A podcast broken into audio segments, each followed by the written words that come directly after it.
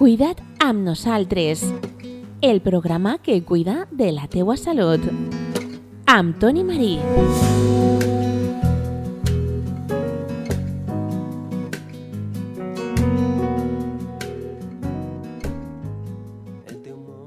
Hola a totes i a tots, estàs en el programa Cuida't amb nosaltres, un espai dedicat a la salut que pots sintonitzar a ràdio La Veu d'Ondara en el 107.4 de la FM. El nostre convidat d'avui és Vicente Estevez, ell és fisioterapeuta i està al capdavant d'Arbore Clínics, que està a El Verger. Ell ha vingut a parlar sobre la càmera hiperbàrica, eh, què és això i quins són els seus avantatges. I aprofitarem la seva presència per a parlar sobre Arbore Clínics. Saludem el nostre protagonista d'avui, Vicente Estevez, bona vesprada, com estàs? Bona vesprada, Toni. Moltes, moltes gràcies per, per haver-me convidat a, al teu programa i res, assistem per a el que faci falta. És un plaer tindre't així, ja fa temps que volíem que vingueres, el que passa és que va coincidir que eren festes al Verger i no podíeu, però Correcte. mira, finalment ja estàs així. Vicente, conta'ns en primer lloc què és la càmera hiperbàrica, per a què serveix i quins avantatges té. pues mira, la càmera hiperbàrica eh, és un dispositiu vale? en, en el qual eh, nosaltres tenim el dispositiu que és com si fora un sistema, una bolsa vale? portàtil, està la portàtil o la rígida. Nosaltres eh, vam optar per la portàtil i més flexible per el tema de la comoditat vale? a l'hora d'entrar i eixir i després perquè és un dispositiu que eh, també té una fàcil eh, eh, medida de, de tancament i d'apertura. Uh -huh. Després, la càmera hiperbàrica que nosaltres tenim té un sistema de pressurització de 1.3 atmosferes, vale? que és una càmera de mitja baixa pressió, que a l'hora d'augmentar eh, el que és la pressió en la càmera i la despressurització és molt més saludable i molt més eh, còmode per al pacient que les d'alta pressió, que són més delicades i estan uh -huh. més indicades per al tema del busseig, també per a patologies i enfermetats, però està molt més indicat per a quan, quan els bussejadors tenen la immersió, els agarra el mareig i tal, doncs es claven ahí i es curen. I aquesta seria una de les diferències que pot tindre la que tinc jo en això. Quin sistema, quin sistema té la càmera hiperbàrica? És un sistema en el qual eh, tu t'incorpores dins, vale? va inflant-se molt poquet a poquet la càmera, fas la despressurització, com si estigués eh, in, eh, fent la immersió en, en, dins de l'àuia i després, una vegada ja has fet la, la pressurització bé, gastes una, cama, una, una mascareta d'oxígeno en el qual tu respires oxígeno al 92%. ¿vale? No és oxígeno pur, és un oxigenador al 92%, la que tenim nosaltres. ¿vale? Però, quan tu estàs dins de la càmera fent la comprovació, tens un, una assimilació de l'oxígeno al 100%. Uh -huh. Eh, quins beneficis i per a què està indicat la càmera, que és el que em preguntaves també? Pues és, eh, està respirant oxígeno, l'oxígeno en una càmera a pressió de les condicions i de les característiques que tenim nosaltres, està comprovat científicament que baixa la inflamació, vale? siga de teixits, a nivell d'òrganos, a nivell del sistema nerviós. Què vull dir en això? Que jo ho explico als meus pacients. Que pràcticament la càmera està indicat pràcticament per a tot, perquè nosaltres avui dia en la societat entre la contaminació, la mala alimentació, l'estrès que portem diari, eh, eh, familiar, laboral, eh, tot, el, tot la, la voràgine que tenim del dia a dia fa que aquesta càmera siga eh, molt indicada per a el tema de baixar la inflamació, perquè al final tu si tens un dèficit d'oxígeno o tens patologies o tens enfermetat, està comprovat que n'hi ha un dèficit d'aports sanguini a les estructures. D'acord. Per tant, està indicat, uh -huh. per a aquests casos, està indicat també molt a dia d'avui, sí que n'hi ha més estudis científics, que és el que corroboren els metges i la medicina, per què ho indiquen normalment més els metges? Que és el que a voltes n'hi ha un debat o un conflicte sa, que diuen no, la càmera hiperbàrica només està indicada per a les quemadures, per a ferides que no tanquen, per a cames amputades que no tanca bé la ferida, per a voltes també pues, a lo millor en fases inicials agudes. Jo puc dir-te que després de dos anys i mig que tenim la càmera, eh, tenim moltes sorpreses en casos clínics d'inclús bactèries, infeccions, eh, cremaures n'han tingut que també la cicatriu no tancava, que això científicament està molt corroborat. En temes de la son, gent en trastornos de la son, d'insomni, que no dormen, que no descansen, la càmera mos ha funcionat molt, molt, molt bé. Tema de deportistes, tenim deportistes que venen, per exemple, tinc un de triatló que és, si no m'enganya, d'ara Javi Moedano, sí. eh, que ell ho comenta en el seu entorn, que ell sí que ha millorat aquesta capacitat de recuperació post-entrenament que antes acabava fundit, pues sí que he notat que aquesta recuperació de les fibres, aquesta capacitat pulmonar que també fa que ell durant, mentre s'entrena, també es fatiga menys. Totes aquestes indicacions, a nivell de dia d'avui, la literatura científica, a lo millor, a lo millor en rendiment, a lo millor n'hi ha més escàs. Se'n van més al tema de la càmera hiperbàrica a dia d'avui, si fas la búsqueda, tema de cremaures, tema de ferides, tema d'amputats, al 100% ho apoyen a nivell de medicina. En altres casos jo trobo que falta millor més investigació, però a nivell de clínica, perquè a mi m'agrada ser molt clínic molt treballar en el pacient i l'experiència dels anys, els tractaments i estudiar també casos científics, però moltes vegades també els estudis científics poden estar sesgats. Uh -huh. Entonces, a vegades eh, tens que comparar molt, necessites també molt de temps per a fer estudis científics. Entonces, jo som molt de, de llegir, però també eh, un 70% pràctic i un 30% millor els estudis. No basar-me tot en estudis en científics, és la filosofia que, que jo seguisc.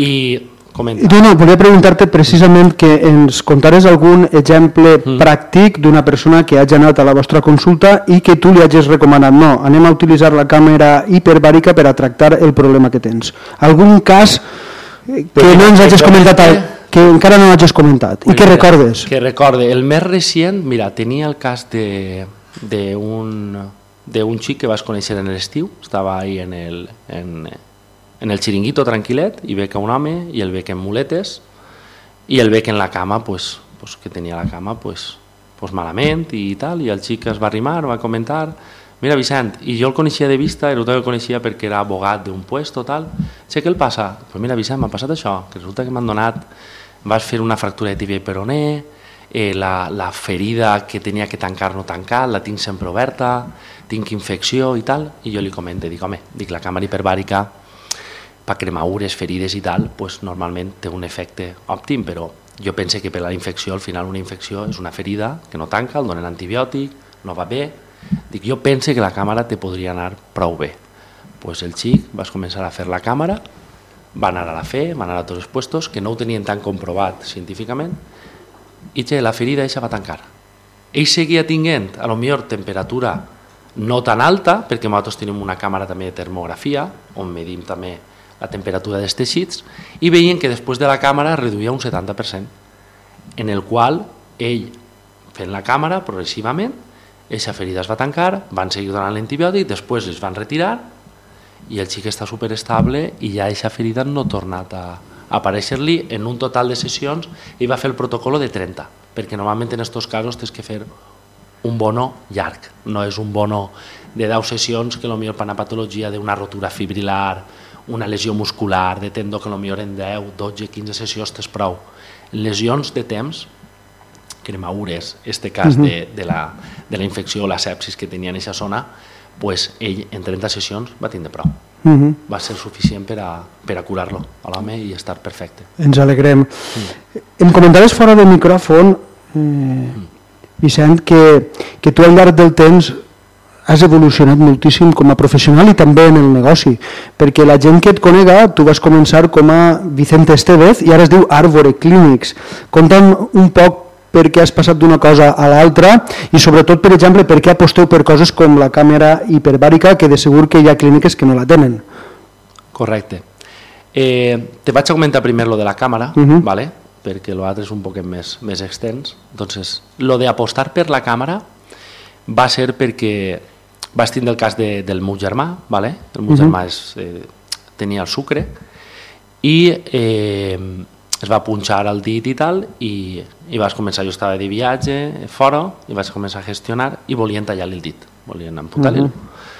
i al final, entre uno que va anar a, no vaig a dir centros on va anar, uh -huh. però va anar a un centro, l'altre volia tallar, després un altre hospital, i jo li vaig dir no. I jo vaig tocar un amic que tenia, que és Octavio Cosins, molt bo, un cirujano, un, un especialista vascular que està en, en la clínica de l'Arra, que per mediació de Pipo pues, em va ajudar molt, i em va dir, mentre arribes sanca el teixit, aquest dit no es té que tallar. Però els dos o tres puestos que va anar volien tallar. I em va dir, ahir n'hi ha que fer neteges, tal, i jo li vaig dir al meu germà, dic, mira, dic, anem a fer jo, el que jo puc ajudar és que la diatèrmia, la màquina de radiofreqüència, arriba a la sang i poden regenerar la magneto. I en aquest sistema van salvar el dia perquè arribava sanguini. Però jo vaig començar a informar-me que la càmera hiperbàrica per aquestes coses anava bé, però que ara sí no n'hi havia. Tenies que anar a Alacant, a València, i jo dic al meu germà, dic, pues mira, dic, a partir d'ara, dic, trobo que vaig a començar a estudiar i a llegir-me sobre això. Hasta que al final, passar dos o tres anys, vaig veure que era important marcar la diferència, perquè al final tu, les clíniques de fisio van desenvolupant-se, unes són partidàries de treballar d'una manera, una filosofia, uns altres d'una altra, jo soc un més inquiet, més innovador, més, més ambiciós sanament per a evolucionar èticament per a que els meus pacients tinguin resultats en el menys temps possible, en menys sessions i que es cure. Perquè nosaltres l'obsessió que tenim, o jo particularment i el meu equip que està educat per, per mi, és que jo si una cosa tinc clara és que el pacient quan entra vull que entre curat. O sigui, no, som una clínica que sí, que venen també tractaments per aliviar, per a descarregar. A nivell de massatge deportiu som especialistes a nivell de descàrregues, que tenim jugadors també professionals que venen i tal. Però jo he anat evolucionant d'esta manera perquè l'obsessió és curar. Uh -huh. O sigui, jo tenia en ment que si jo el dia de demà no volia que em faltara la feina, era estudiar, innovar, invertir en formació i en tecnologia, combinant la teràpia manual i tot lo antiu, perquè no n'hi ha que deixar de costar lo antiu, n'hi ha que lo antiu acoplar-ho a lo modern, i curar a la gent. Uh -huh. perquè la gent el que vol és, és que tingui resultats i quan menys temps possible millor. És el que a mi m'agradaria si anara a un puesto, uh -huh. perquè al final, si no, no, no té... Per a mi, èticament, com a professional, per a mi no curar una persona, per a mi és un fracàs. O sigui, jo m'obsessiono molt en aquestes coses. També de... poden haver molts factors. N'hi ha factors, però... Que poden, factors, poden no dependre de vosaltres. No poden dependre de nosaltres, però jo penso que si fas un, una bona valoració, un bon diagnòstic, en el 70-80% de, de, de pacients, eh, si es fa una bona valoració, un bon diagnòstic, els tractaments tens tot el possible que n'hi ha avui en dia en el mercat de fisiotecnologia i formació i estàs al dia. I combinat, que és el secret que nosaltres vam fer de fa 8 anys, que és l'entrenament, la readaptació. Tindré un entrenador personal des de la clínica, que van ser de les primeres clíniques fa 8 anys en incorporar-lo. Avui en dia ja n'hi ha, uh -huh. però fa 8 o 9 anys era impensable veure un entrenador personal, un readaptador en una clínica. Eixa va ser la clau per aquestes patologies cròniques, que a mi no m'ha dir cròniques, sinó de, de temps o mal curades, pogueren estar bé. Perquè a mi el que em passava és que jo feia els tractaments, curaves a la persona, però després recaïa en seguida. Era perquè necessitava un reforç muscular nosaltres quan tenim una patologia també s'atrofia el múscul. Tu trates la inflamació, trates el dolor, però n'hi ha una debilitat. Uh -huh. Si debilitat com la treballes. El pacient que vindre a la clínica, perquè els pacients són vagos per naturalesa. Per a mi jo considero només un 1% de la població, o un 2, que tenen hàbit. La persona necessita anar al puesto, tindre un guia, tindre uh -huh. un gurú, una persona que li guie, li diga com ho té que fer i quan ja té l'estabilitat, pues a lo millor ve de revisió o ja ho fa en casa. Uh -huh. Però la persona per naturalesa sedentària. Té que anar al puesto, si no es perd l'hàbit. Uh -huh. Això per un costat, i estàvem parlant de lo de la... La càmera era per a marcar la diferència respecte a poder tindre algo diferent respecte a altres clíniques o altres servicis que puguen donar i sobretot perquè eh, m'agrada el poder ajudar al pacient de dir, mira, pues, jo puc ajudar a nivell de fisioteràpia d'esta manera, però clar, a mi me ve una persona en una en un altre tipus d'enfermetat o patologia que el metge me deriva o nosaltres estem tratant-lo i pensem que pot ajudar-lo, doncs perquè no tindreu en la clínica. Uh -huh. És una inversió que realment jo vaig fer la inversió i si el dic la veritat, hasta quasi any i mig no has començat a tindre perquè és complicat quan tu tens diversos servicis un rendiment, pues, no? Un rendiment uh -huh. òptim, què passa? Uh -huh. Que tens que educar al pacient, no, no vendre-li, perquè jo sempre dic que jo quan estic en la clínica no, no sóc un venedor ni un comercial, sinó jo el que faig és vendre salut en benefici del pacient, no en benefici meu.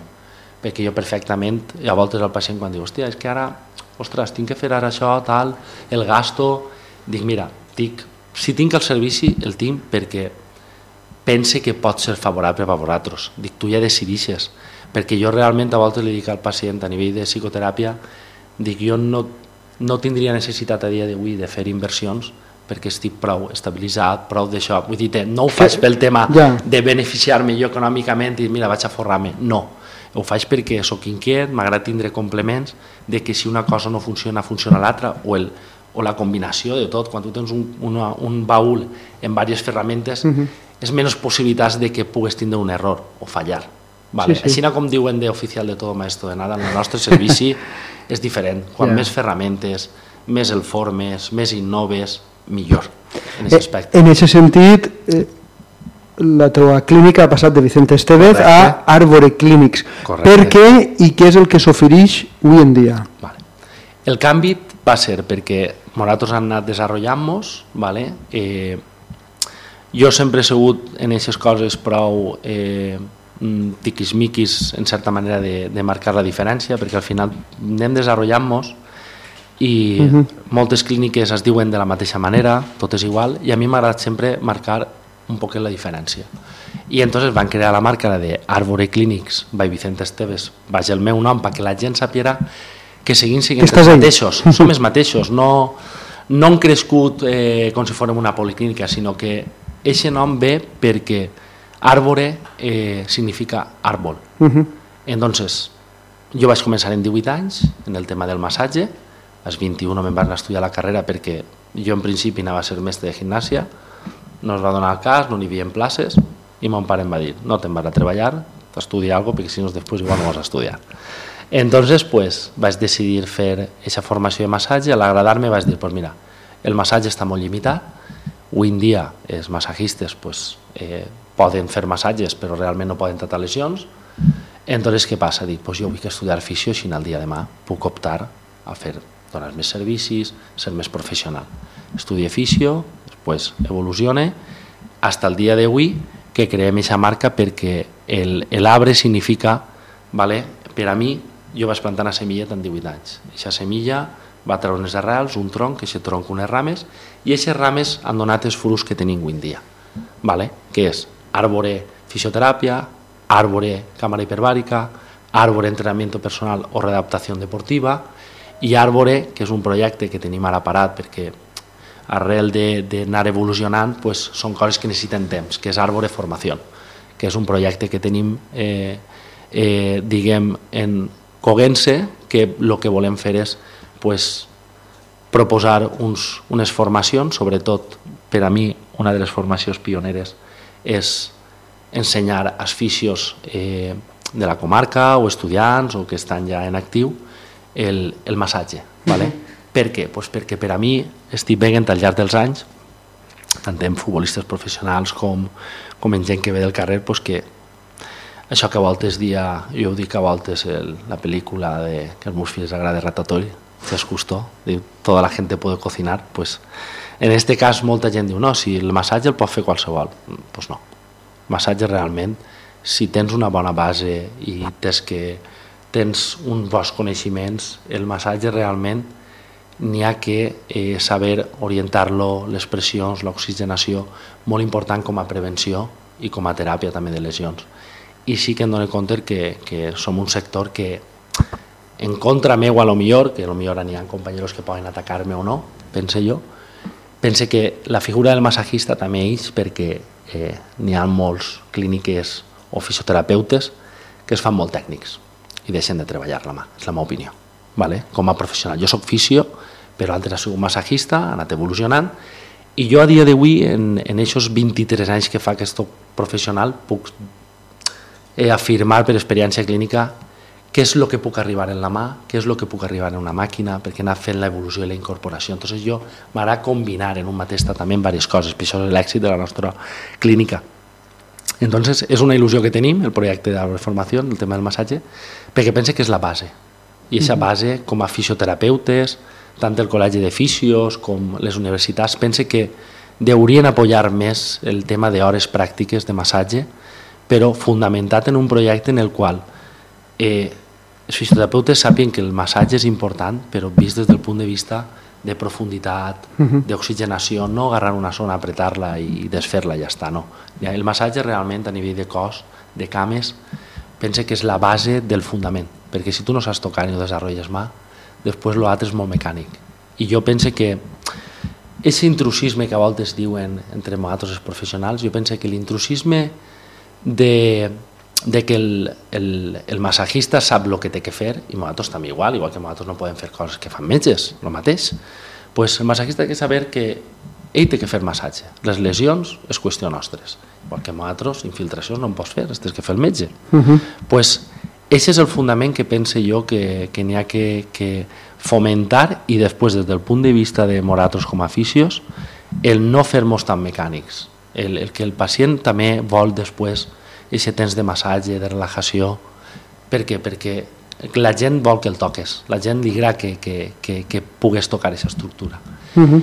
I sobretot, pues, eh, el que m'havies comentat tu, el tema de l'evolució i el canvi de marca, ve per això, per a marcar la diferència, vale? per això es diu, a voltes diuen, valga la redundància, la marca, crees una marca per a marcar la diferència, pues pense que nosaltres vam fer aquest canvi perquè ja mereixíem englobar un equipo. Jo tinc un equipo en el qual menys és més, m'ha quedat un equipo reduït però de qualitat, en el qual n'hi ha un entrenador i un redactador, tinc una secretària, tinc la meva mà dreta que és Ferran Giner, el fisioterapeuta, José Caselles com a preparador i, i Cristina Navarro, que és la secretària, i, i de vez en quan, i jo, i de vez en quan ve eh, alguna metge i infermera en el qual fa infiltracions o extracció de líquid i a voltes fent també el del plasma ric en plaquetes, ah, de la sang, que és un servici que al final estem donant a la gent que creguen que fa falta perquè a voltes derivaves fora del centre però com no estàs davant, a vegades si tens que posar aquest PRP o aquest plasma en el puesto idoni, uh -huh. és molt important gastar la ecografia. Sí. Una altra cosa que també pues, avui en dia encara fan infiltracions i posen plasma sense vore el puesto sense ecografia. Jo penso que és fundamental avui en dia com evolucionar la societat qualsevol substància que pugui posar la doctora o moratros, una agulleta, la punció seca o la EPI o la EPTE o tècniques invasives, eh, posar-les avui, pues, avui en dia està obsoleto. Uh -huh. Tens que estar preparat. Nosaltres, personalment, jo ja porto més de 14 anys fent ecografia i fent tècniques invasives i és el que fa que pogués tindre més èxit d'abordatge. Vale. Vicent, quines són les principals patologies que veieu en general? Vale. En general, a nivell nostre de clínica, d'experiència clínica i el que estem acostumbrats, eh, un gran percentatge és les lumbàlgies, lumbociàtiques, vale? derivades moltes a voltes diagnosticades d'hèrnies, altres a lo millor protusions, Eixa és una de les que més ens trobem en clínica, patologies lumbars, vale? en la ciatàlgia que, que dona el símptoma cap a la cama, en el qual nosaltres, igual que la cervicàlgia també, que és paregut a la lumbàlgia, però del coll, que el baixa per al braç i a la mà. Morato ja fa set anys que vaig ser una tècnica que m'han portat de Canadà uns companys meus d'Alacant, i es diu neuromodulació, neuromodulació percutània intratisular o NMP, o n'hi ha diverses. Ara avui en dia està desenvolupat perquè depèn dels formadors, diuen un nom. Uh -huh. vale? Però al final és una neuromodulació en una agulla que tu fas ecoguiat, proper del nervi, i al final el que busques és inhibir, eixe, jo ho explico al pacient, és com un cortocircuit que tu el que tens que fer és inhibir-lo, que, que deixi de fer aquesta xispa. Uh -huh. I tenim bons resultats en aquests casos, i utilitzem aquestes tècniques. Després, una altra de les lesions freqüents, per exemple, en el deport, doncs són els esguinces de tobillo, esguince de lligament intern de genoll, pinça més de menisco. Moratos, la veritat que en la clínica eh, casos més freqüents, més freqüents que tu em dius, Vicent, de l'1 al 5. Vale? Lumbàlgies, vale? contractures cervicals, genoll, en general, cadera i tobillo. Eixes serien les cinc que nosaltres normalment mos entren més. Però realment nosaltres eh, mos han especialitzat, i vaig començar a especialitzar-me en tobillo, perquè jo soc molt purista en això, tobillo, genoll, cadera, ombro, colze, muñica i després quan vas ja les articulacions ja me'n vas anar a columna.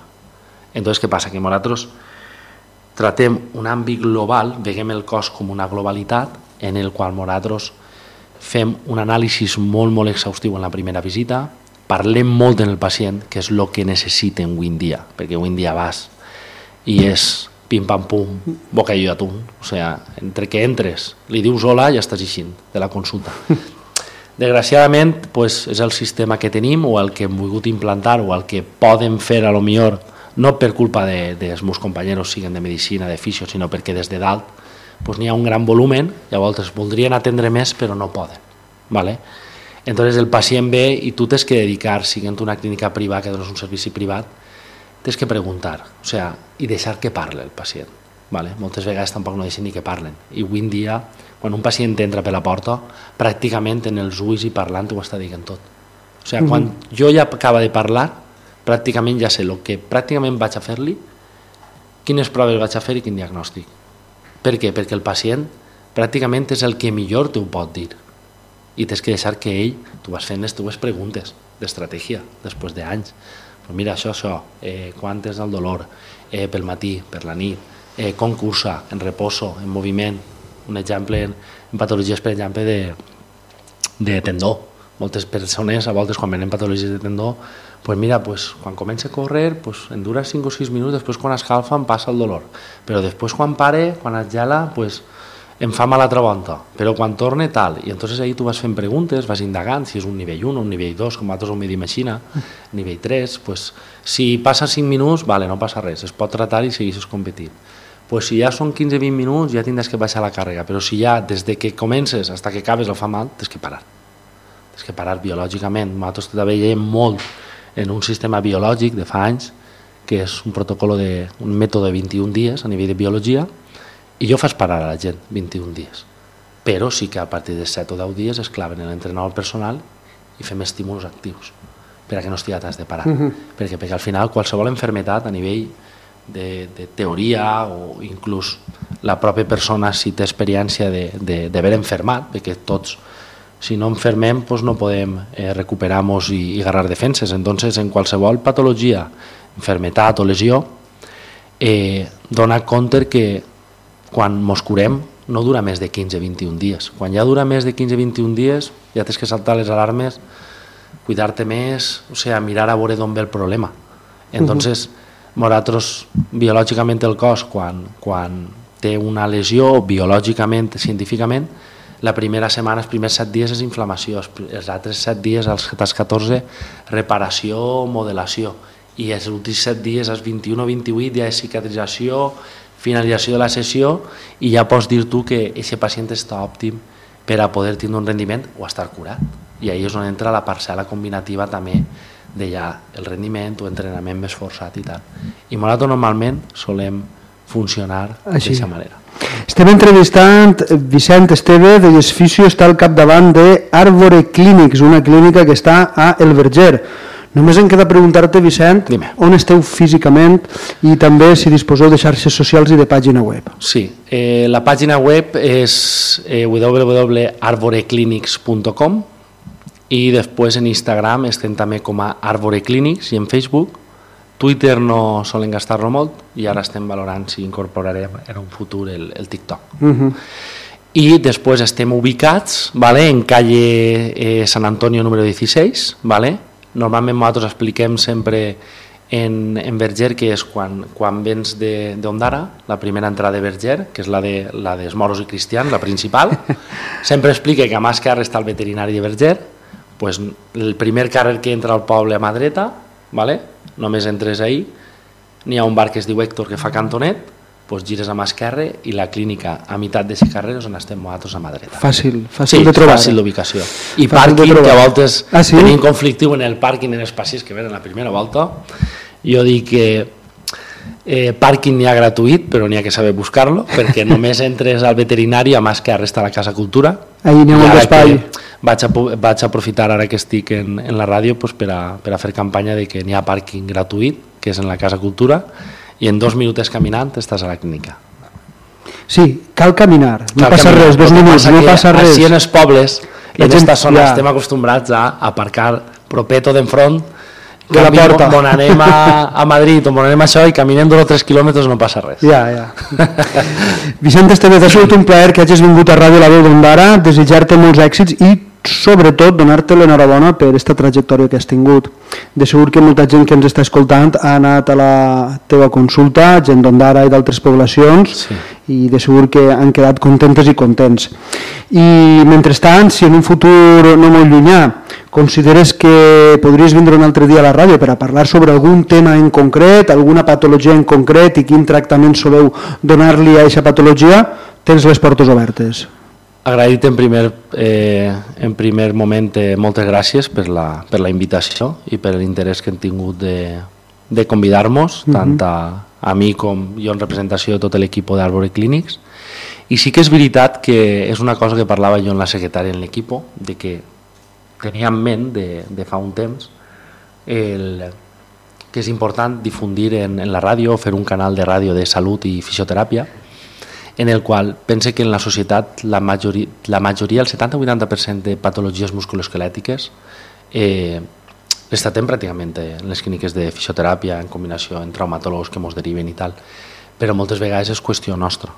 I pense que és important el, el que m'has dit de, de fer un, una entrevistes, de parlar de patologies, inclús directes, de que puguen a lo millor la persona tocar i dir, pues mira, a mi em passa això, em passa l'altre. Estaria molt bé. Pense que seria molt interessant perquè n'hi ha molta població que me ve a la clínica i diu, oi, és que jo no sabia que tu estaves, és que jo no sabia que vosaltres feu això, o és que vosaltres tal, clar, jo això, si ho haguera sabut, que soc una clínica, som una clínica que, que mos venen derivats molts de 4 o 5 o 6 puestos, buscant el milagre, que milagre no n'hi ha, milagre és treballar... Pots ajudar... Pots ajudar, perquè, i sobretot el pacient, el que el dic jo, fer-li entendre quina lesió té, com, què és el que té, com va anar, què va notar, quina evolució va tindre, guiar-lo en tot moment, que van perduts, no es guien. Entonces, quan tu agarres el bou pescuernos i tu dius, així estic jo i jo vaig a dir-te A, B i C i estic totalment convençut que anem a traure-ho, uh -huh. li faig la seva teràpia, perquè al final nosaltres no som psicòlegs, jo tinc psicòleg de clínica també, José Sol de Vila, que perteneix també a la clínica i és el meu coach de clínica de fa anys, que em feia falta, de fa 7 o 8 anys, i ha sigut meravellós, pues pense que nosaltres tenim que també tindre una base de psicoteràpia a l'hora de poder manejar. I pense que és molt interessant el que m'has m'has proposat, Ja saps. perquè pense que serà fundamental per ajudar a aquesta persona que lo millor diu, pues, la típica persona de, de, de Sidondara, de Berger, de la retoria, que diu, uf, és que he anat al metge, però és que m'ha dit que això, pues mira, que em prenga aquesta pastilla, o ha anat al trauma, però m'ha dit, per exemple, tot el respecte, ¿vale? eh, pues que, vale, que tinc el, la inflamació al lligament, però que em prenga això, reposo i tal, però jo seguís tinguent dolor. Clar, pues, nosaltres podem, clíniques com nosaltres o pareguda, vale? pues podem ajudar al, al pacient i orientar-lo o per lo menos dir-li, pues mira, és qüestió meua, perfecte. I n'hi ha pacients que han vingut i també li dic, mira, no podem fer res perquè nosaltres no som déus, però pues mira, tens que fer aquesta ressonància, ves este amic meu traumatòleg, que jo tinc comunicació amb diversos traumatòlegs i metges, pues mira, ves que el faig esta prova tal, i després torna, o ves al podòleg, per exemple, si fa falta una plantilla antes de tal, vull dir, tens que saber també en cada moment què és el que tu el toco i que toca els altres. I pense està que bé, això és molt important. això està bé, això està bé. Treballar això en la ràdio, pense que serà un punt d'inflexió, un antes i un després en, en la societat. Eh? Ja saps, Perfecte. Quan vulgueu, gràcies i segur les- que mos tindràs a tindre així. així teniu les portes obertes. Vicent, una abraçada i fins pronte. Gràcies per tot. Això ha sigut tot en este programa d'avui. Sintonitzes Ràdio La Veu d'Ondara, la teva ràdio. Cuida't amb nosaltres. El programa que cuida de la teua salut. Amb Toni Marí.